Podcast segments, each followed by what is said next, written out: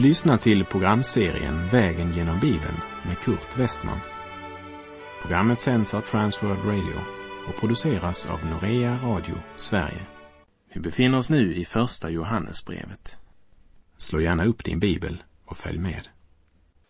Vi har nu kommit till det tredje kapitlet i Johannes första brev.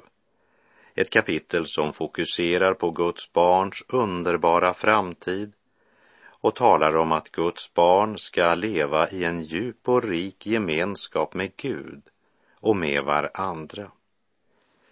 Och egentligen hör vers 29 i förra kapitlet hemma här i kapitel 3. Så jag vill gärna påminna om vad Johannes skrev i kapitel 2, vers 29 innan vi tar de första stegen i kapitel 3.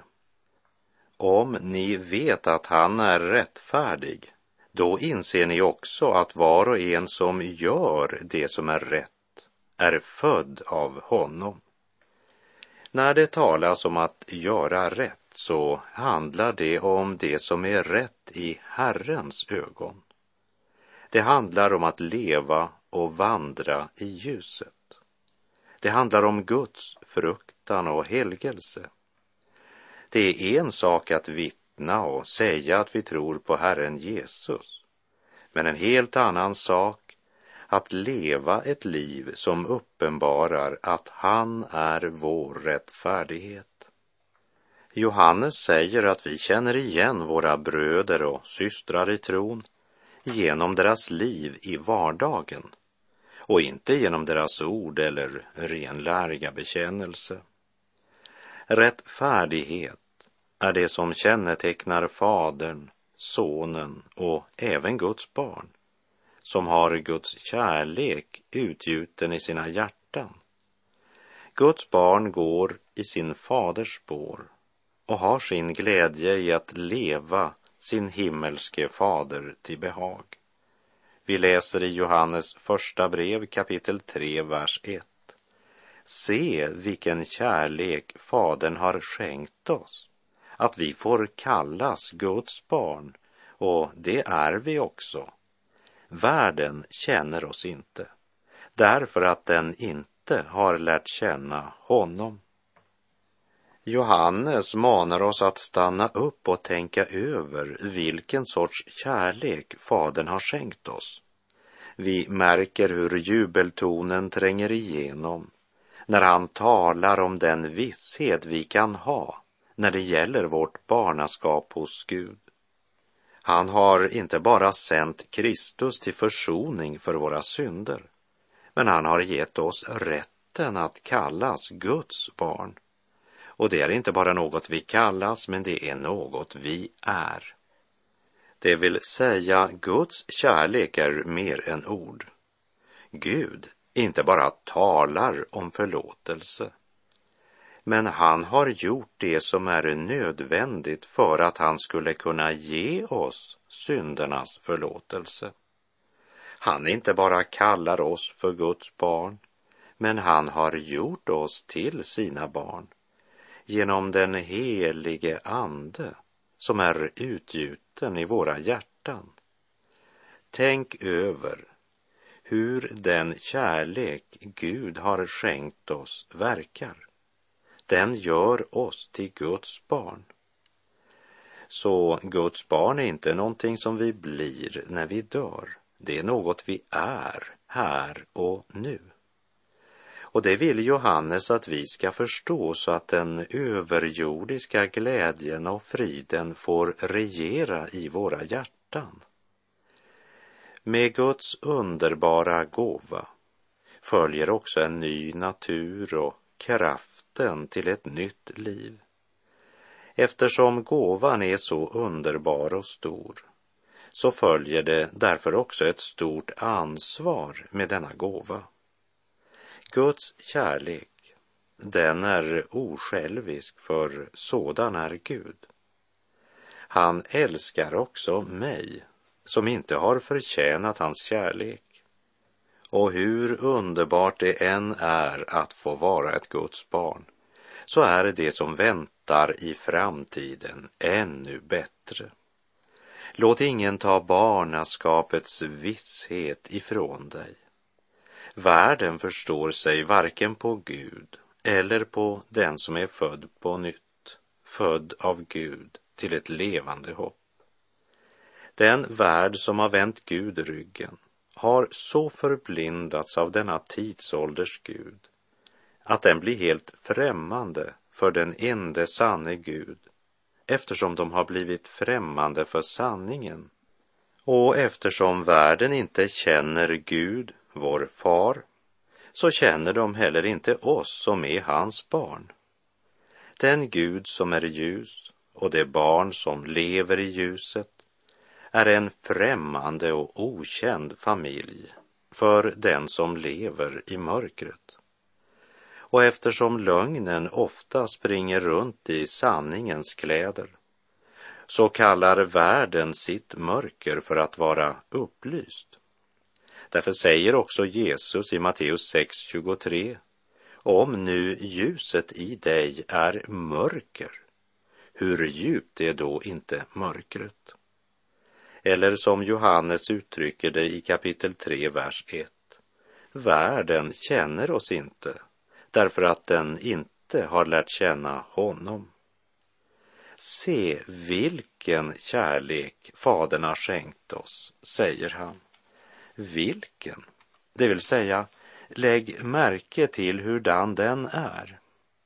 Den ger sig utslag på så sätt att den som verkligen är Guds barn lyder hans bud och låter sitt liv formas av Guds ord.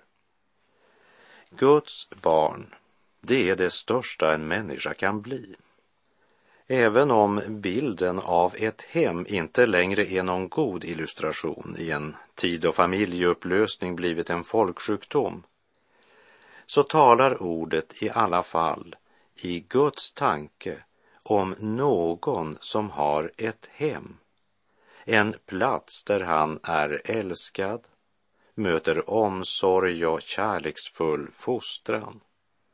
Och nu säger Johannes att du får kallas Guds barn. Du får. Men frågan är om du verkligen vill öppna dig för hans kärlek. För den blir inte din förrän du tar emot den. Se vilken kärlek Fadern har skänkt dig. Har du tagit emot den?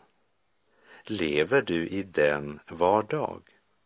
Har du låtit Gud utgjuta sin kärlek i ditt hjärta? Till de troende i Rom skriver Paulus i Romarbrevet 5, vers 5 att hoppet bedrar oss inte. Ty Guds kärlek är utgjuten i våra hjärtan genom den helige Ande som han har gett oss. Se vilken kärlek Fadern har skänkt oss. Det är värt att tänka över en stund.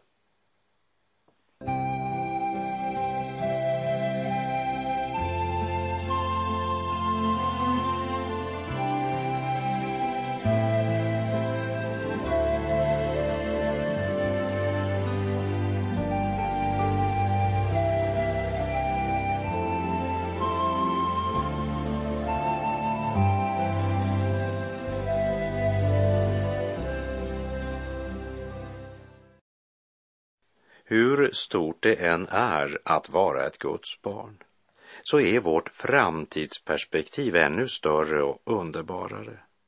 Vad vi är i Kristus är stort och fantastiskt, men vad vi ska bli, det är ännu inte uppenbarat. Vi läser Johannes första brev kapitel 3, vers 2. Mina älskade, vi är nu Guds barn och vad vi ska bli är ännu inte uppenbarat.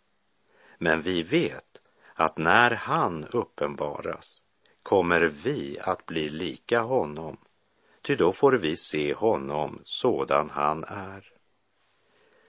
Människan blev skapad till Guds avbild, men denna likhet den gick förlorad i syndafallet. Därför måste Gud på nytt skapa sitt liv i oss. och ikläda oss den nya människan som förnyas till rätt kunskap och blir en avbild av sin skapare, som Paulus skriver i Kolosserbrevet 3.10. Mina älskade, vi är nu Guds barn. Världen är helt främmande för Guds barnets glädje och frid. Låt inte världen med sitt förakt för Gud och för hans barn beröva dig glädjen eller beröva dig vissheten om vad du är. Vi bör veta vad vi är i Kristus Jesus och verkligen veta vad vi har fått av Gud och leva i trons visshet. Till de troende i Korint skrev Paulus i Första Korinthierbrevet 2, vers 12 till och med 15. Men vi har inte fått världens ande, utan den ande som är från Gud, för att vi skall veta vad vi har fått av Gud. Detta förkunnar vi också, inte med ord som mänsklig visdom lär, utan med ord som anden lär, när vi återger andliga ting med andliga ord. En oandlig människa tar inte emot det som tillhör Guds ande. Det är dårskap för henne och hon kan inte förstå det eftersom det måste bedömas på ett andligt sätt. Den andliga människan däremot bedömer allt men själv kan hon inte bedömas av någon. Vad vi är i Kristus har Gud uppenbarat och han har gett oss den ande som är från Gud för att vi ska veta vad vi fått av Gud. Det vill säga, det handlar om att ta sig tid att öppna paketet som Gud har gett oss så att vi vet vad vi har fått. Det handlar om andlig insikt som kommer genom den smörjelse Gud ger genom sin helige ande. Ett Guds barn tar sig tid att studera Guds ord. Men det är bara Guds ande som kan uppenbara för oss vad det är Gud har gett oss. Om inte Guds ande gör detta verkligt för oss blir det bara teori utan andens vittnesbörd i vårt hjärta så måste vi svara. Ja, jag vet inte säkert om jag är frälst. Men Paulus säger i Romarbrevet 8.16 att anden själv vittnar med vår ande att vi är Guds barn och det ger visshet. Saliga visshet, Jesus är min. Han som har frälst mig kallar mig sin. Mina älskade, vi är nu Guds barn och vad vi ska bli är ännu inte uppenbarat. Men vi vet att när han uppenbaras kommer vi att bli lika honom, ty då får vi se honom sådan han är. Vi ska se den förhärligade Kristus ansikte till ansikte. Johannes erkänner villigt att när det gäller det som ligger på andra sidan graven så är hans kunskap begränsad och han vill inte försöka sig på några spekulationer. Men däremot gläder han sig mycket över det han vet, nämligen att när Kristus uppenbaras kommer vi att bli lika honom. I uppståndelsen blir inte gamle Adam med, tack och lov. Så är det också med de dödas uppståndelse, skriver Paulus i Första Korinthierbrevet 15, vers 42 och 43. Det som sås förgängligt uppstår oförgängligt. Det som sås i vanära uppstår i härlighet. Det som sås i svaghet uppstår i kraft.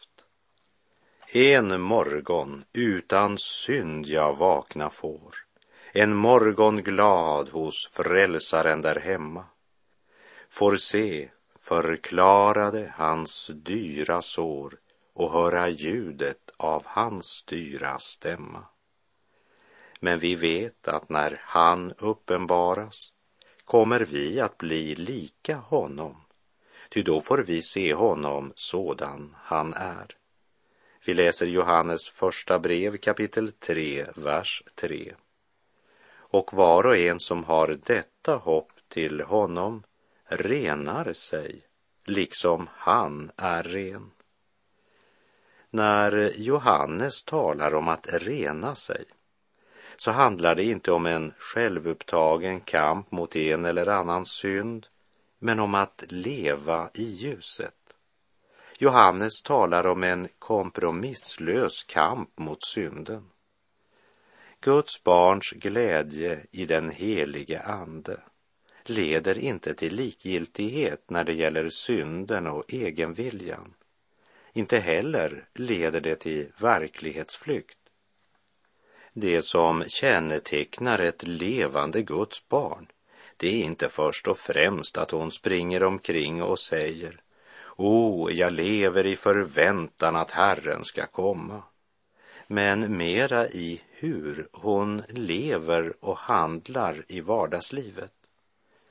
Om Herren verkligen fått göra hoppet levande för våra hjärtan genom sin helige Ande, så är det verkligen ett hopp som förpliktar oss att leva i daglig förnyelse och rening.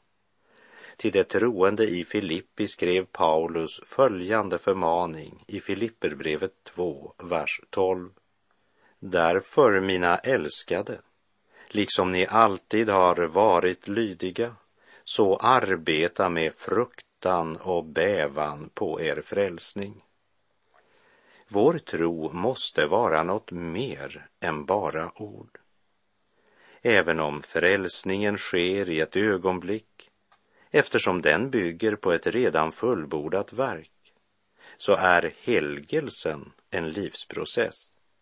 Och i Johannes 15, vers 14 säger Jesus, ni är mina vänner om ni gör vad jag befaller er.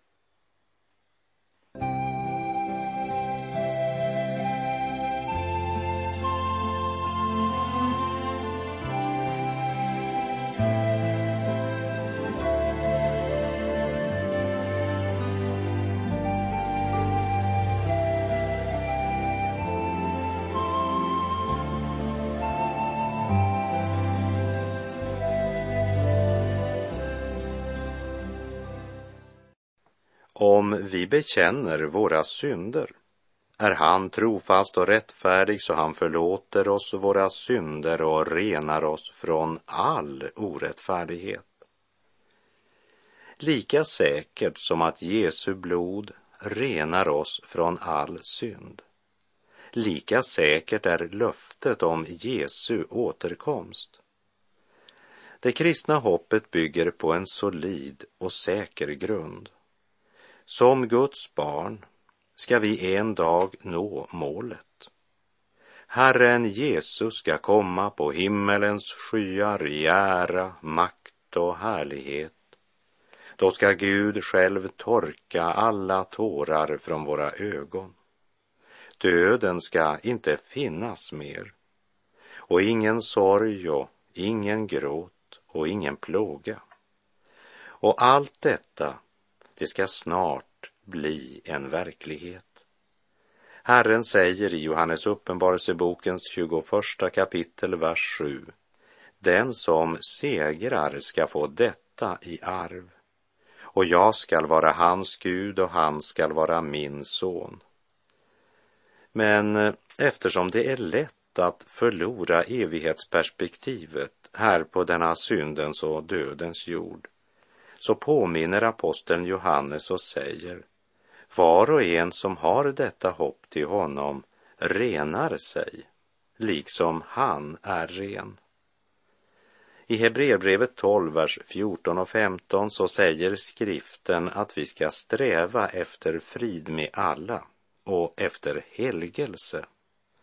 Ty utan helgelse kommer ingen att se Herren och fortsätter med att säga se till att ingen går miste om Guds nåd. När Johannes talar om att var och en som har detta hopp till honom renar sig, så är det viktigt att fokusera tydligt och klart på reningsmedlet och det heter Jesu blod och påminna om att Gud är den som verkar i oss, både vilja och gärning, för att hans goda vilja ska ske, som det står i Filipperbrevet 2.13. Helgelsen är alltså ett Guds verk som utförs genom den helige Ande. Och detta Andens verk grundar sig på Kristi offer. Men även om helgelsen är ett Andens verk så är det en sida av helgelsen som i högsta grad har med människan att göra och det är ditt och mitt ansvar att leva och vandra i ljuset. Evangeliet tar inte bort människans ansvar. Tvärtom, evangeliet väcker människan till ansvar. Aposteln kommer inte med ett förslag inleder inte heller en diskussion för att höra vad olika människor kan tycka om den här saken. Han bara konstaterar hur det är med den som tillhör Jesus och lever i tron på honom. Han lever i helgelse. Johannes berättar om den underbara kärlek Gud har till sina barn. Gud har fött oss på nytt till ett levande hopp och var och en som har detta hopp till honom renar sig liksom han är ren. Vi läser vers 4. Var och en som gör synd bryter mot lagen, ty synd är brott mot lagen. Jesus själv uttrycker det så här i Johannes 14, vers 15. Om ni älskar mig kommer ni att hålla mina bud. Synd är inte ett misstag eller en svaghet. Det är inte en sjukdom eller en olycka eller en tillfällighet. Synd är brott mot Guds heliga bud och vilja.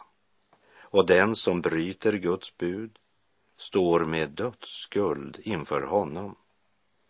Att Johannes inte räknar med att de troende är syndfria, det såg vi i förra versen.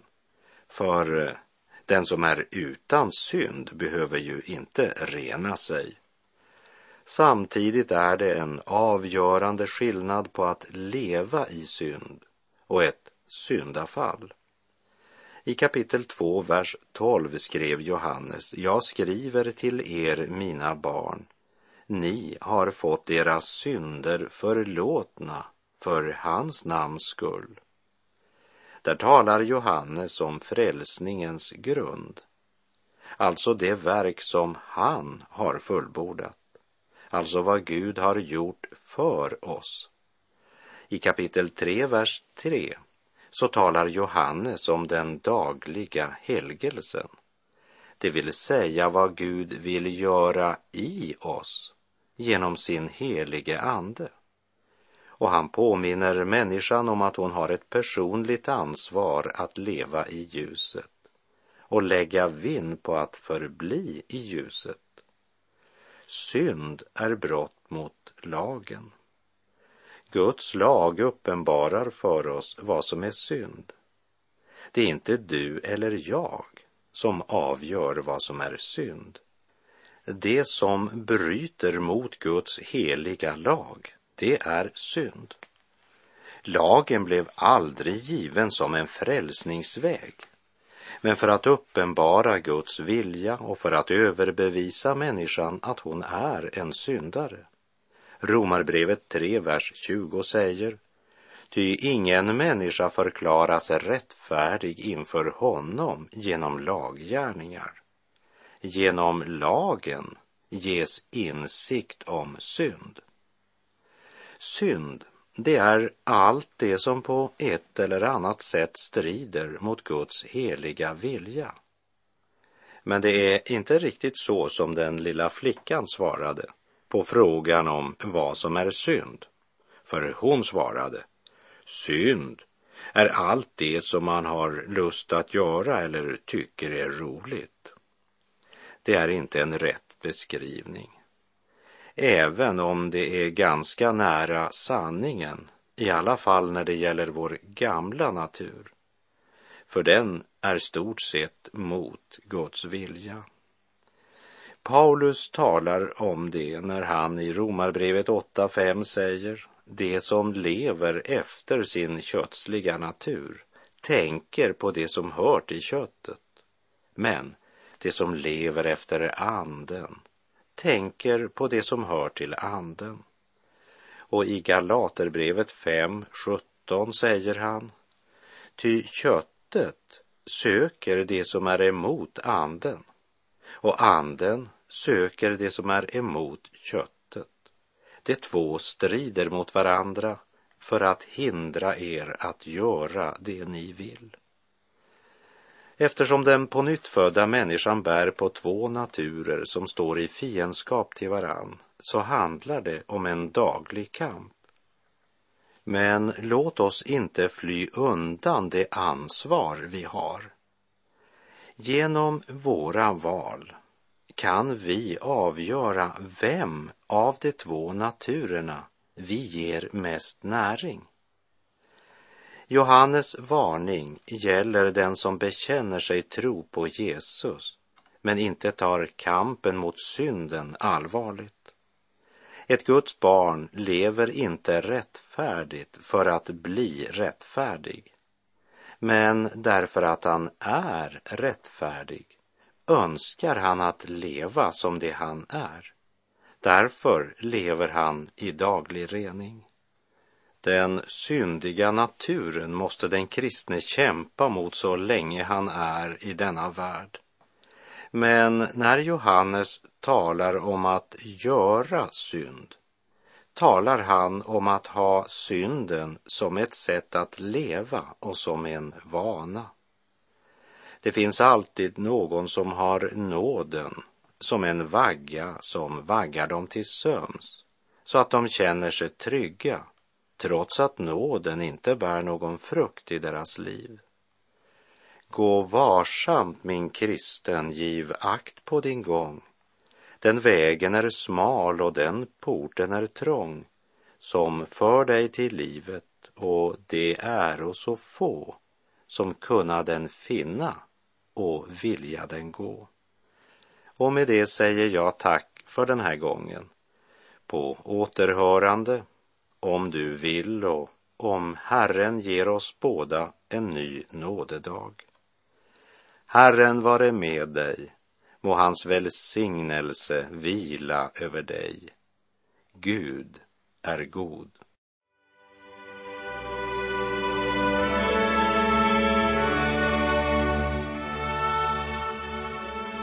Du har lyssnat till programserien Vägen genom Bibeln med Kurt Westman som sänds av Transworld Radio. Programserien är producerad av Norea Radio Sverige. Om du önskar mer information om vårt radiomissionsarbete så skriv till Norea Radio Sverige, box 3419 103 68 Stockholm. Adressen är alltså Norea Radio Sverige box 3419. Postnumret 10368 Stockholm.